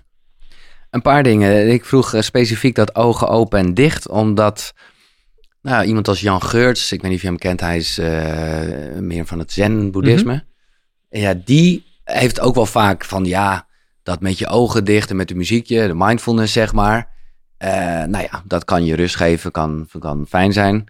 Maar als je echt, uh, nou ja, ik weet even niet hoe hij dat noemt, maar nou ja, de, de, de, de verdieping in meditatie waar we het over hadden.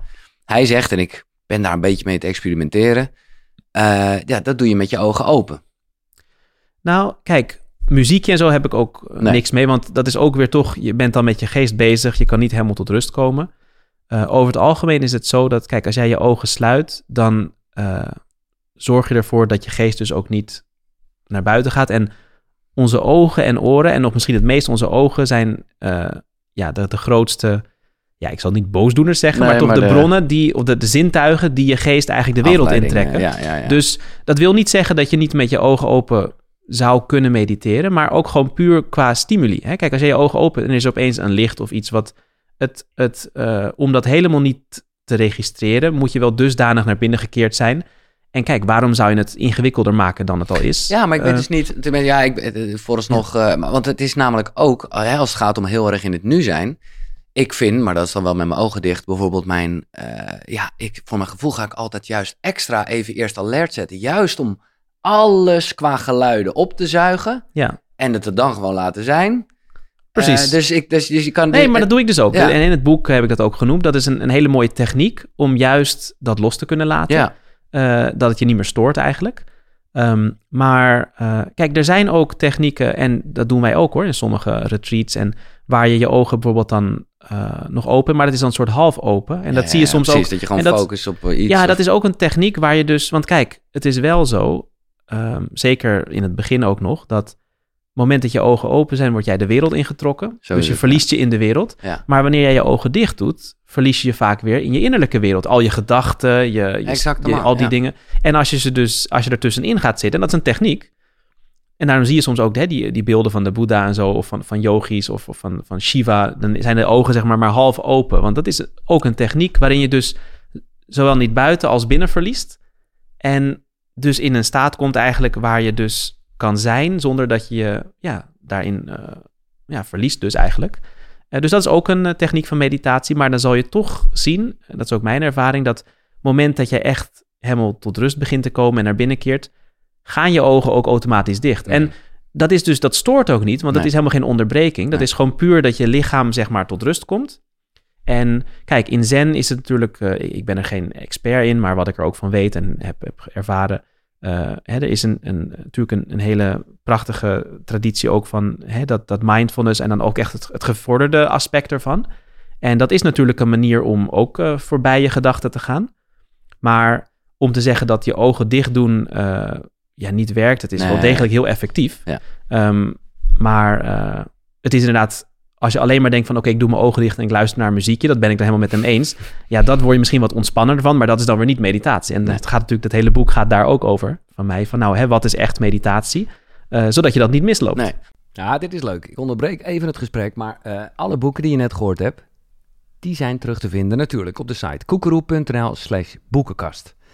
Maar ik heb een extraatje, want daar vind je ook een link naar een aanbieding van Nextory, waarmee je alle boeken 50 dagen gratis kan lezen en luisteren. En hebben het niet alleen over deze drie boeken, nee, er staan daar 300.000 luisterboeken en e-books. Dus ga naar koekeroe.nl slash boekenkast om 50 dagen lang gratis Nextory te gebruiken. Top toch? Thanks. Maar ik vind het wel mooi, want, en dat is heerlijk om te lezen, hè, met, met, met eh, nou, waar we het eerder kort over hadden, het, het, het respect en, en, en het oergevoel en de diepere laag erachter. Maar, en dat hoor ik jou net ook weer zeggen, eh, het is wel gewoon een techniek. Dus dat is ook, hè, dat vind ik ook het fijne van Art of Living. En als jij zegt, ik doe ademhalingsoefeningen in het begin, dan is dat ook weer, de, hoe heet het? Het, eh, De Bastrika? de Bastrika. Ja. Dat is gewoon, daarom, Praktisch. ja, het is heel praktisch. En zeker omdat je in het begin heerlijk bezig bent met tellen. Wat je, nou ja, het is niet echt een mantra, maar het zorgt er in ieder geval voor dat je Dat gedachten. bent, ja. ja. want je bent alleen maar bezig met tellen.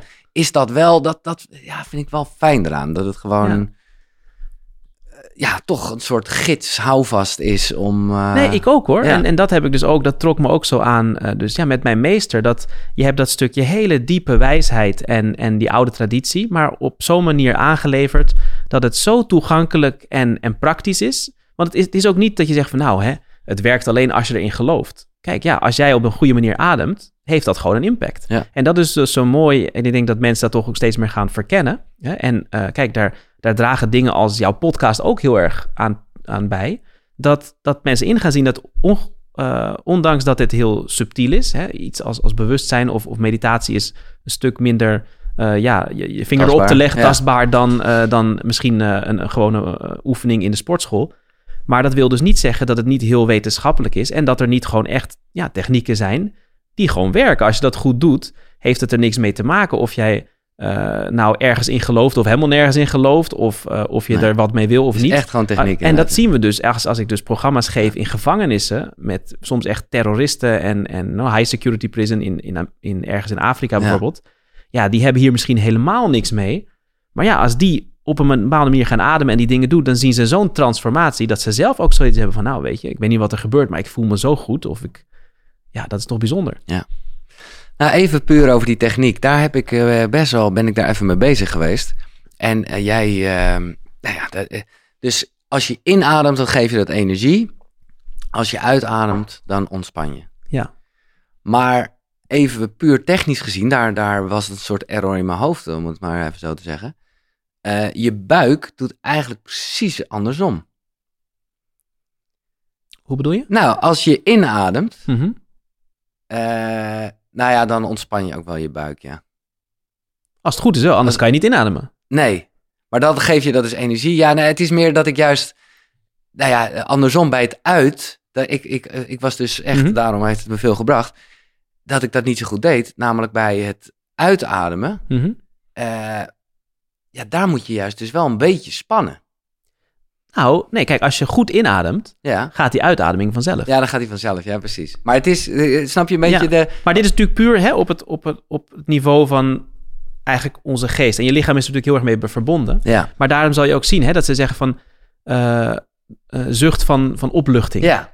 Nou, dat is ontspanning natuurlijk. Ja. En als je gewoon, als je observeert, als je gewoon ja, maar gaat zucht is de, ja, nee, nee zal je, zal je denken van, als je gewoon echt je, je, beetje je lichaam en geest observeert, als je inademt, voel je eigenlijk dat het die energie geeft. Ja. En, en kijk, daar heb je natuurlijk ook hele, hele, weer hele wetenschappen van als we kijken naar Qigong en al die dingen, maar uh, dus, en ergens, hè, als je dan kijkt naar zuurstof ook, je ademt Ja. in, dat geeft de zuurstof, Ja. energie, en je ademt uit, dan gaat al die afvalstoffen eruit, dat is ook ontspanning. Ja, Ehm, maar dan merk je toch heel vaak dat als jij ook ga- gaat liggen, ja. Maar het is wel, nee, daarom, maar dit, dit, was voornamelijk in mijn hoofd, denk dat als je uitademt, dat je wel degelijk juist je buik eigenlijk, dat is alleen als je het bewust ja, eh, wil doen. Dus Ja. dan ga je daar moeite voor doen. Normaal gesproken gaat het vanzelf. Gaat dat vanzelf. Ja, ja maar of ja. je het nou wil of niet, Nee. je kan het zo lang proberen in te houden als je wil. Op een gegeven moment moet je toch ontspannen. Nee, zeker. Nee, maar ik vind het leuk dat je er echt zo over nadenkt. Want ja, dan kan je wat meer de diepte in. Ja, ja zeker. En, en eh, ja, soms moet je wel even iets afleren. Want dat, dat is wel... eh, Nou ja, heel vaak. Heel vaak, Want ja. laten we wel wezen, toen jij en ik en iedereen verder hier, of waar dan ook, klein waren, waren we er eigenlijk al. En we zijn goed. ergens, ergens zijn we dus dat kwijtgeraakt. Ja. Dat helemaal in het moment ja, met alles gelukkig zijn, je met iedereen verbonden voelen, je thuis voelen. Dus het is voornamelijk een afleren, zou ik zeggen. dat is het. Dat, eh, nou ja, hè, ontwikkelen, het juist Ja. weer ontdoen. Ja, Ja. fijn. Want dat, om het toch even wat minder tastbaar te maken, maar wel waar het in essentie om gaat. Ik zei al, zoek niet naar steun in dingen die steeds weer veranderen. En dan gaat het heel erg over iets wat ik ontzettend voel, maar wat ik, ik hoop dat je daar nog meer duiding aan kan geven. Dat je altijd, hoeveel er ook verandert in de wereld, er is iets in jezelf, je, je, ja, je innerlijk wezen, hoe zou je het Ja. noemen? Eh, Ja, je kan het van alles noemen. Je wezen, je, Ja. je, je- jezelf, je bewustzijn. eh, ja. En dat verandert nooit. En, en ja, dit is een grote vraag, maar wat is dat? Nou ga ik het eh, nog leuker maken. Kijk, ik kan, je, ik kan erop duiden. Hè. Ik heb in mijn boek dus ook eh, praktische oefeningen gegeven voor mensen om elke keer een stapje dichterbij te komen. Van, van hoe benoem je dat? En dat Ja. is voornamelijk ook een, een wegstrepen van wat is het niet. Ehm, uiteindelijk is dit iets wat je eigenlijk alleen kan ervaren, omdat het iets is wat nog voorbij ligt aan jouw geest, aan jou, jouw intellect. Ehm, want onze gedachten veranderen ook. Ja. Dus je geest verandert eigenlijk continu. Dus dat is ook niet stabiel. En er is dus iets wel wat, wat dat kan waarnemen, want zo zie je dat het verandert. Dus er is een referentiepunt, iets dat niet verandert. En daardoor zie je dat alles verandert. Je lichaam, je geest, je, ge- je gedachten, hoe jij jezelf ziet, hè, je ego, hoe, anderen, hoe jij wil dat anderen je zien. Maar het moment dat je dat nog niet bewust ervaart, is het heel lastig om dat uit te leggen, want dan zit je toch weer op het niveau van de geest eigenlijk.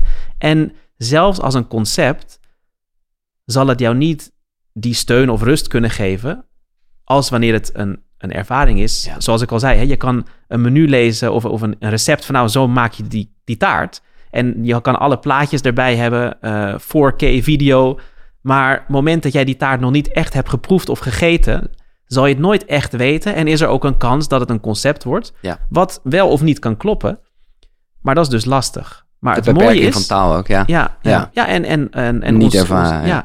Maar het mooie is dat het moment dat je dat steeds meer bewust gaat ervaren, want we ervaren het wel, bewust of onbewust, maar dat, dat, eh, steeds, dat je dat steeds bewuster gaat ervaren, wat er dan eigenlijk gebeurt is dat die realiteit, ehm, dat dat jouw realiteit wordt. En om maar even een heel praktisch voorbeeld te geven, misschien voor de luisteraars Ja. of de kijkers.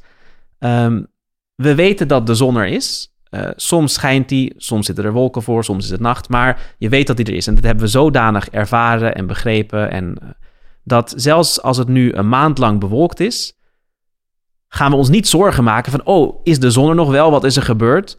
Je weet dat die er is. Dat is een heel diep weten. En Dat is niet alleen een intellectueel begrip, maar dat heb je elke keer ervaren. En op een gegeven moment realiseerde van, ja, zelfs als ik hem een tijd lang niet zie, is hij er alsnog. En heel veel, heel vaak is het toch zo dat wij in ons dagelijks leven, je hebt die momenten waar je heel rustig voelt, heel vredig, heel gelukkig. En dat kan met een ijsje op de bank zijn, of eh, in een mooie, op, op het strand, of met je, met je vriendin op een picknick, of wat het ook is. En soms of, of gewoon met een boekje, of, of helemaal niks. Of in je meditatie, of in yoga nidra, of wat dan ook. Maar je voelt eventjes echt van, oh ja, dit is er ook. Maar wanneer je dan weer teruggaat naar je dagelijkse routine of de wereld of alle, nou om maar, eh, eh, pardon my French, maar alle shit, Ja, dan heb je zoiets van, oh, je misschien van, ik, ik zou dat wel weer willen voelen, maar dat is niet jouw realiteit. Dus ook met die meditatieretretten, waar ik gisteren mee klaar ben, eh, wat, wat we hebben Ja. afgerond gisteren, hè, zeiden sommige mensen ook van, ja, ik voel me hier zo fijn en vredig, maar dan ga ik weer terug naar mijn gewone leven. En dan na een paar dagen heb je zoiets van, is het nog een soort van herinnering, maar je kan je het niet meer zo voelen van, hoe maak ik dat deel van mijn leven? En het mooie is dat door die technieken en door die beoefening, hè, die discipline ook, zal je zien dat op een gegeven moment bereik je een punt waar je dat dusdanig keer op keer hebt ervaren en bewust hebt ervaren, dat er een hele subtiele verschuiving plaatsvindt en dat je dus echt weet dat dat jouw natuur is en dat jouw kern is, of jouw ware aard of wezen. En dan zal je zien dat zelfs in alle situaties waar je soms gestrest kan raken, waar het soms heel naar kan zijn of moeilijk of lastig, zelfs op die momenten dat je dat niet kan voelen, dus niet bewust ervaart, brengt dat je toch niet uit je centrum, omdat je weet dat zelfs als ik het nu even niet kan voelen, het is, het er wel. Wow. Ja. Ja, dat is het. En dat, dat, is, is, de het. essentie, ja. Ja. Ja, ik ga toch, eh, omdat ik oh, voel helemaal wat je zegt. Maar ja, we, we hebben nou eenmaal gewoon termen en soms kan dat wel degelijk helpen. Daarom helpen boeken en gesprekken erover. Dus ik wil even, is, eh, even een aantal dingen met je duidelijk stellen hoe jij eh, dat ziet. Dat is prima. Bijvoorbeeld geest, hoor ik je nu een paar keer, geest en mind, is dat hetzelfde? Nou ja, zoals ik het dan hè, ook in het boek bijvoorbeeld heb gebruikt, ja, dan heb ik dus het, het Engelse woord mind als geest vertaald. Ehm, de beperking van taal. Eh, maar eh, ja, zo bedoel ik. En daar, dat is dus eigenlijk al dus die, ja, die mentale activiteiten. Dus eh, hè, ons, ons intellect, ons geheugen, je waar, wat, dat wat waarneemt door de zintuigen. Hè, je oor hoort iets, maar je neemt het pas waar als je er echt bij bent. Dus dat is je geest, zeg maar. Ja. Dan wil ik nog even een mooie vergelijking maken eh, met, nou ja, betrekking tot de ademhaling. Geest is de vlieger en de ademhaling is het taal. Hè, Ja. Dus dat heb je. Dat is, Die verbinding van de ademhaling en de geest, ja. ja. dat is Ja. mooi. Maar ergens waar jij gewoon ook als jonge gast dan druk mee was, en het is notabene een titel van een boek van eh, Michael Pilacic, Master Your Mind. Ja, kan het eigenlijk wel? Het mooie is dat je dat kan doen door eraan voorbij te gaan. Ja. Want tot nu toe is het toch voor heel veel mensen nog zo dat ergens jouw geest jou beheerst. Of laten we zo zeggen, de kwaliteit van jouw leven beheerst. Je kan, jij hebt een prachtig appartement hier. Ik vind het zo lief dat ik bij je thuis mag komen hiervoor. Ehm, en misschien zelfs tijdens de lockdown had je het nog heel goed. Uh, niet iedereen had misschien zo'n comfortabele plek om opgesloten te zitten. Maar dan kan je eigenlijk alles hebben wat je heel graag altijd al wilde. Je bent heel comfortabel, lekker eten, alles. Maar als jij gestrest of angstig of gefrustreerd bent, kan je daar niet van genieten. En dat zien we en dat, dat uh, dreef mij ook zo voort van... hey, je kan alles hebben. Die holiday destination, je favoriete baan, de mooiste meid van de wereld... Of, of, of, man of nou, wat dan ook. maar als jouw geest niet in een goede staat is, dan kan je daar dus niet van genieten. Maar hoe kan je daar dan dus de baas over worden? Dat is dus die realisatie dat jij dus niet alleen je geest bent of dat je niet die gedachten bent. En dan zelfs als die gedachten komen... Dat je echt erboven gaat. Ja, dan heb je dus geen last meer van. En um, wat wel interessant was, uh, is dat in ons gesprek met, met Michael, dat was uh, toen, ik, toen we het er nog even over hadden, toen zei hij ook van, hè, van nou, zijn hele punt is dat uh, ja, mensen aansporen om hun dromen na te ja, leef je beste leven. Ja. Hè? En um, dat was heel interessant, want hè, je kan uh, you can agree to disagree. Dus hij zegt van nou, dat was dan zijn insteek. Terwijl ik eigenlijk juist zei, dat is ook natuurlijk in mijn boek ergens, van uh, nou, als je, geen, als je geen leuk baantje hebt en je geniet er niet van, in plaats van dan elke keer maar weer naar iets anders op zoek te gaan waar je die, die job satisfaction kan krijgen, moment dat jij je van binnen helemaal vredig en gelukkig voelt, dan zal je dus ook in dat baantje gelukkig kunnen zijn. Want dat heeft niks met het baantje te maken. En hij zegt ja, maar ik, ik zeg mensen juist van nou jongens, ga uh, je, je, je droombaan najagen. En ik zeg van ja, kijk, het is onthechting is weer niet een, een inerte staat dat je zegt van nou, je hoeft niks of je doet niks. Het is niet passief. Dus je kan wel degelijk, als jij geen leuke baan hebt, een betere baan zoeken of iets wat jou inspireert. Maar als je denkt dat dat jou gelukkig gaat maken, dan blijf je toch je hele leven rennen. Want er zal elke keer weer wat anders omhoog komen. Dat je denkt van, oh, maar dat maakt me echt gelukkig, dat maakt me echt gelukkig. Terwijl dat ware geluk zit van binnen. Ja. En het moment dat je dat dat is er al, dus dat is het goede nieuws. Iedereen heeft dat al in zich en je kan daarbij, want als kind kon je dat ook al. Maar dat dus weer leren, of andere dingen loslaten, ontleren, of hoe je dat uh, noemen, uh, dat je daar weer bij kan, zorgt er dan voor dat je dus overal gelukkig kan zijn, juist omdat het niks te maken heeft met de situaties om je heen. En dat is onvoorwaardelijk geluk.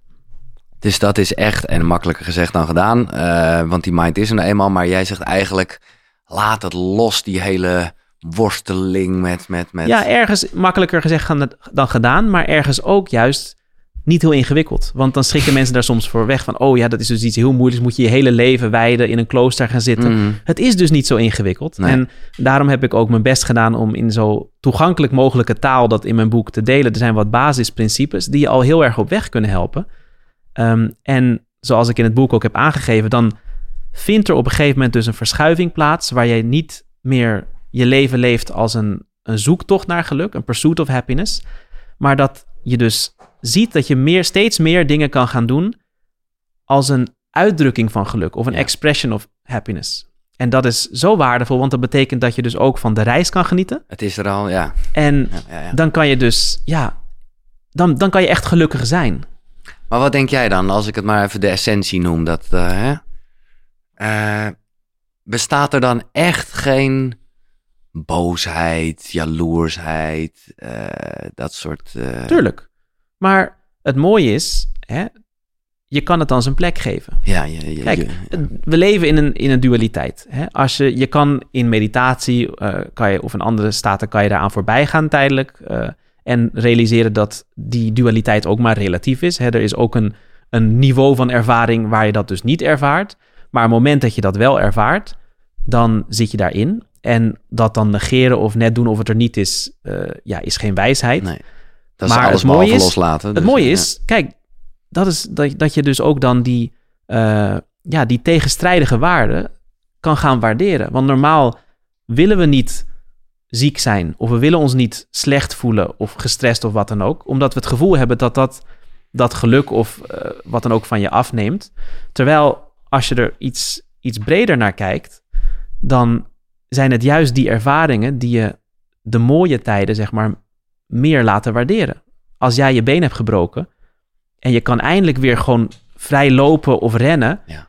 geeft dat je zoveel geluk of, of dan voel je zo fijn. Terwijl andere mensen misschien hun hele leven al rennen en die hebben daar helemaal niks mee. Nee. Dus we vergeten vaak, of, of dat weten we gewoon niet, hebben we niet gerealiseerd, dat juist ook die andere moeilijkere momenten je ook het contrast geven, waardoor je dus de mooie dingen kan waarderen. Ja. En ergens is het dus ook zo dat hè, het feit dat sommige mensen het niet zo goed hebben als wij in de wereld, geeft ons ook een mogelijkheid om iets voor hun te doen.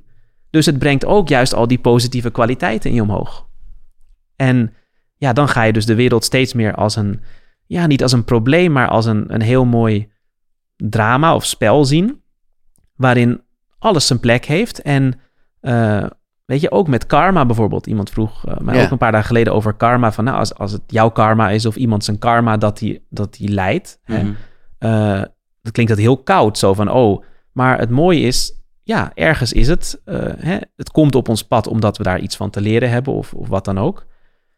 En dan kan je zeggen, ja, dat is die persoons karma, dat hij geen huis heeft bijvoorbeeld. Maar het is dan onze dharma, onze innerlijke natuur, jouw menselijkheid, hoe je het wil noemen, dat wij die persoon wel kunnen helpen. Ja. Dus en dat het is- levert het is er dat, is weer een dus het min plus. Ja, ik Ja. snap hem. Nog eventjes eh, meer van dit soort eh, definities. Ik eh, hoorde jou bij je ochtendroutine het hebben over een mantra. Ja. Wat? Meerdere mantra's meerdere zelfs. mantra's. Klinkt Wat- nog magischer. Nee, ja, nee, maar wat is, eh, wat is het verschil wat jou betreft tussen een mantra en een affirmatie? Ah, ben ik heel blij dat je dat vraagt. Want dat is ook weer zoiets wat hè, tegenwoordig heel populair aan het worden Exact. is. Ja. Ehm, ik heb zowaar een uitgever gehad die mij eh, benaderde en die wilde dat ik een boek over mantra's ging schrijven. En in die discussie kwam ik erachter dat ze dus eigenlijk juist die affirmations ja. wilden. Ik zeg, ja, maar jongens, dat zijn eigenlijk geen mantra's. In de zin van, in de, de technische term van het woord. Ehm, dus heel goed dat je dat even eh, opheldert. Ehm, ik heb het dan over mantra's zoals eh, dat in de Vedische traditie ook eh, ja, eeuwenoud al wordt doorgegeven. En het woord mantra is een Sanskriet woord ook. Betekent, ehm, wordt gedefinieerd in Sanskriet als manana trayate iti mantra. En dat betekent dat wat jou voorbij je denkende geest kan brengen, hè, die, die repetitieve gedachten, dus wat je, je jouw geest laat overstijgen, die trilling of die klank, dat is mantra. En in die zin is het dus niet zo dat elk woord of elk zinnetje maar een mantra kan Je kan zijn. ook eigenlijk niet je eigen mantra maken. Nee, tenzij je natuurlijk op dat niveau bent. Ja, eh, nee, oké, van maar dat, eh, eh, ja, dat- maar dat is een heel ander niveau. Ja. Maar het is dus ook zo, dat is heel bijzonder eh, om, dat, eh, om dat te zien, dat die mantra's dus ook, die eeuwenoude mantra's, die in de Veda's, die geschriften en in andere geschriften zijn doorgegeven, die, eh, die, die wijzen, die, die sages, hè, die worden dan rishis genoemd. De definitie van een, een rishi is in het Sanskriet ook een mantra drashta. En dat betekent iemand die de mantra's kon zien. Dus het is ook niet zo dat zij die mantra's hebben gemaakt. Nee, ze waren in een staat van hele diepe meditatie, waarin ze konden waarnemen, experientieel, dus in hun Mhm. bewustzijn, dat, oh, deze klank, als ik die maak of als ik die hoor, heeft dat dit en dit effect op mijn bewustzijn. Ja. Dus het gaat En- veel dieper dan, dan Dus de geest. is een soort van downloaden. Hè? Net als jij de natuur ingaat en je Ja. realiseert je van... oh, deze kruiden zijn goed voor mijn keel bijvoorbeeld. Mhm. Want dat, dat ervaar jij. Als je dat zo goed merkt dat als je iets eet... oh, dat heeft dit, dit effect op mijn lichaam of dit deel van mijn lichaam... en dan kan je die kennis kan je mee experimenteren. Ja. Dan bevestigt, oh, inderdaad zo, dat werkt voor iedereen zo. Nou, dan kunnen we dat doorgeven. Zo is ook de materia medica en zo tot stand gekomen. Dus zij hadden die kennis op het gebied van bewustzijn... En verschillende mantra's hebben dus een verschillend effect. Ehm, en op die manier kan je ze dus ook gebruiken. En het is iets wat ik ontzettend fascinerend vind. Het is echt Ik een soort ook. Harry Potter. eh, Nou ja, ook omdat zelfs als je dus niet weet wat er gezegd wordt, heeft het toch... het- Precies, het, het- is weer dat experientiële. En Ja. dat merk ik dus ook als ik eh, bijvoorbeeld ja, in een retreat ergens eh, eh, een mantra reciteer of zing voor mensen. Ehm, hè, ik heb er ook op een gegeven moment een aantal op Spotify gezet. En ik krijg ook soms berichtjes van mensen dat ze zeggen van nou, ik, ik weet niet wat het betekent. Het is dat oude Sanskriet. Maar ik luister naar die mantra's en er gebeurt van alles met me. Of het doet dit voor me of Ja. dat voor me. En dat is zo mooi, vind ik. Dat je dat ziet dat het ook weer gewoon taal en culturen overstijgt. Het is een soort ja, hele waardevolle kennis. En daarom heb ik zoiets van, ja, dat wil ik graag met iedereen delen. Maar geloof je ook in affirmaties? Want dat is dus eigenlijk meer, ja, nu is het nog wel heel duidelijk uitgelegd. Dat is dus veel meer om een beetje... Nou, dat heeft ook zijn plek. Ja, En, en dat noemen ze in het Sanskriet dan een sankalpa. oké. En een sankalpa was ook heel belangrijk. Je ziet bijvoorbeeld dat eh, voordat ze eh, iets belangrijks gaan doen, en dat kan dus zo simpel zijn als een sollicitatiegesprek of een huis bouwen of een nieuw project beginnen of wat dan ook, dan deden ze altijd een kleine ceremonie, een kleine puja. En dat begint dan altijd met de sankalpa. En in die sankalpa, dat is heel mooi als je dat, eh, dat is allemaal in Sanskriet natuurlijk, Ja. maar dat kan ik een beetje uitleggen, want dat heb ik allemaal geleerd. Ehm, wat ze dan normaal doen, wat de pandit, de priester dan doet, is die benoemt ook heel specifiek de plaats. Dat als we dat hier zouden doen, nu bijvoorbeeld voor jou, Ja. als ik een kleine puja zou doen, dan hoor je daar dus van, nou, we zijn op dit moment in dit universum, op deze planeet, op dit werelddeel, in dit land, in deze stad, in deze plek, op deze straat, wij spreken, in het huis van Giel Belen. Ja. En dan ook dus dimensie van, van plaats, eh, maar ook van tijd. En in, dit hele, in deze hele creatie leven we nu in dit, eh, dit, dit tijdsdeel en dan in dit jaar. Het is deze maand, deze dag, Hm. dit tijdstip. En op dit moment, dus je brengt je geest helemaal in het hier en nu. Ja. Hè, plaats en tijd, hier en nu. En dan zeg je, nu gaan wij bijvoorbeeld een podcast opnemen met Swami Purna Chaitanya. En dat doen wij met het doel dat we bijvoorbeeld willen bijdragen aan een betere samenleving of mensen willen eh, inzichten willen geven of willen vermaken of nou, wat het Ja. ook kan zijn. Dus dat is dus een hele duidelijke, heldere intentie of affirmatie. ja, bekrachtiging. Hier, hiervoor doe ik dit. En Ja. dat was heel belangrijk, zeiden ze, omdat dat, dat geeft een, een, een, een direction, een richting aan jouw bewustzijn en aan wat je doet. Dus in die zin eh, is ook zelfs als ik 's ochtends wat van die mantras chant, is daar vaak ook eerst een sankalpa van Ja. nou, ik ga dit nu doen, ik ga hier nu zitten met het doel dat ik bijvoorbeeld wil bijdragen aan een positievere wereld Ja. of wat het ook mag zijn. Het maakt het ook wel wat aardser. Dat vind ik wel lekker eraan, om dat eerst te realiseren. Tuurlijk. Ja. Dus in die zin zijn affirmaties is het, is Ja. het heel goed eh, om dat te doen.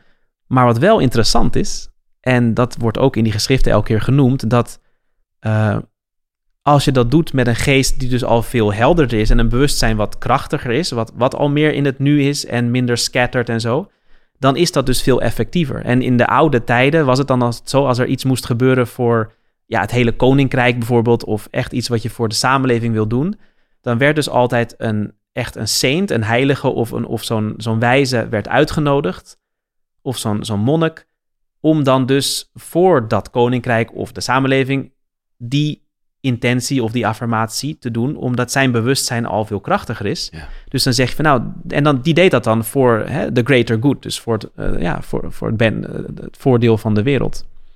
Dus in die zin eh, Het vult elkaar heel ja, erg aan. precies, dus ja. ik zou zeggen, eh, zeker, affirmaties zijn, zijn, hebben echt hun plek, zijn ook heel nuttig of belangrijk.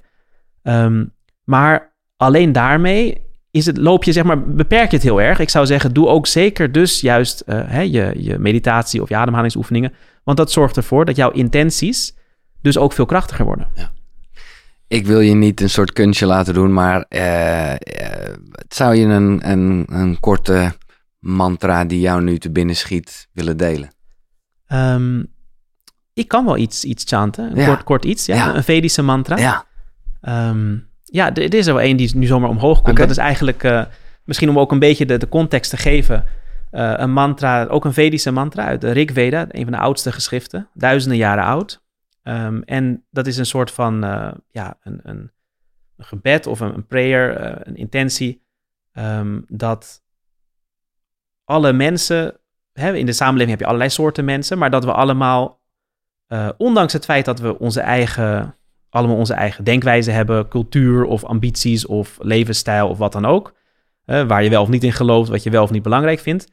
Maar laten we ook ehm, samenkomen met een gezamenlijke intentie dat ondanks het feit dat we allemaal anders zijn en dat ook heel erg respecteren en, eh, en waarderen, dat we juist die diversiteit ook eh, ja, in, ehm, in, in dit stukje eh, bij elkaar brengen om zodat onze intenties wel voor het goed van iedereen zijn. ja, ja, ja. Dus ja, het is een beetje Verschil brengt ons samen eigenlijk. Nou, de- zo van, van ja. we erkennen en waarderen Ja. dat de wereld heel divers is. Maar laten we wel die, eh, dat is dan het gebed, dat we dus wel de intentie hebben dat wat we doen wel ook het goede van iedereen eh, meeneemt. En dus niet alleen onze beperkte. Ja, dat is een beetje Nee, kort uitgelegd, maar het is een heel mooi, eh, mooi iets. En dat, ja, dat wil ik best even chanten. Ja, graag. Ik zal er goed voor gaan zitten. Ja, ik ga ook gelijk wat meer rechtop zitten. श्रीगुरुभ्यो नमः। हरिः ॐ ॐ सं समित्युवसे वृषन्नग्ने विश्वान्यर्य आ। इळस्पदे समित्यसे स नो वसून्याभरा सङ्गच्छत्वं संवदत्वं संवोमनांसि जानताम्। देवा भागञ्यता पूर्वे सञ्जानाना उपासते। समानो मन्त्रः समितिः समानी समानं मनः सह चित्तमेषाम् समानं मन्त्रमभिमन्त्र एव समानेन वो हविषा आजुहोमि समानीव आकूतिः समाना हृदयानि वः। समानमस्तु वो मनो यथा आवस्सु सहासति ॐ शान्ति शान्ति शान्तिः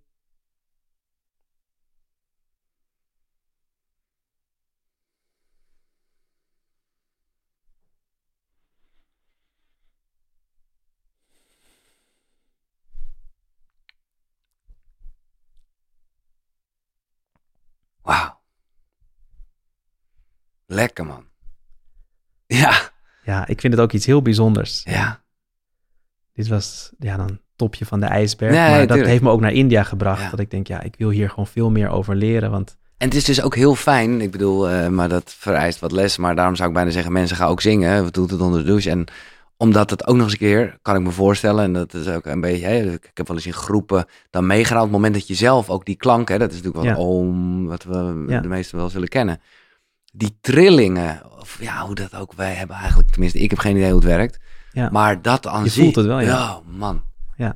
Maar jij kan het ook gewoon, zoals nu gebeurde, luisteren en dus ook die trillingen horen natuurlijk. Het is, ah.